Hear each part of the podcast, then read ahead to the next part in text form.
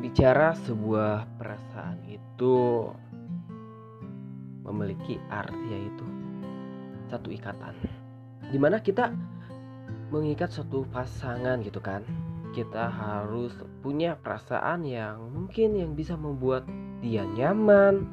Kalau misalkan dia nggak nyaman oleh kita dia itu pasti bosan, mudah, tidak percaya lagi sama kita. Tapi kita harus membuktikan sebuah ikatan perasaan yang kita itu mengalir apa adanya, tulus dengan hati dan ketulusan yang kita miliki untuk pasangan kita loh teman-teman.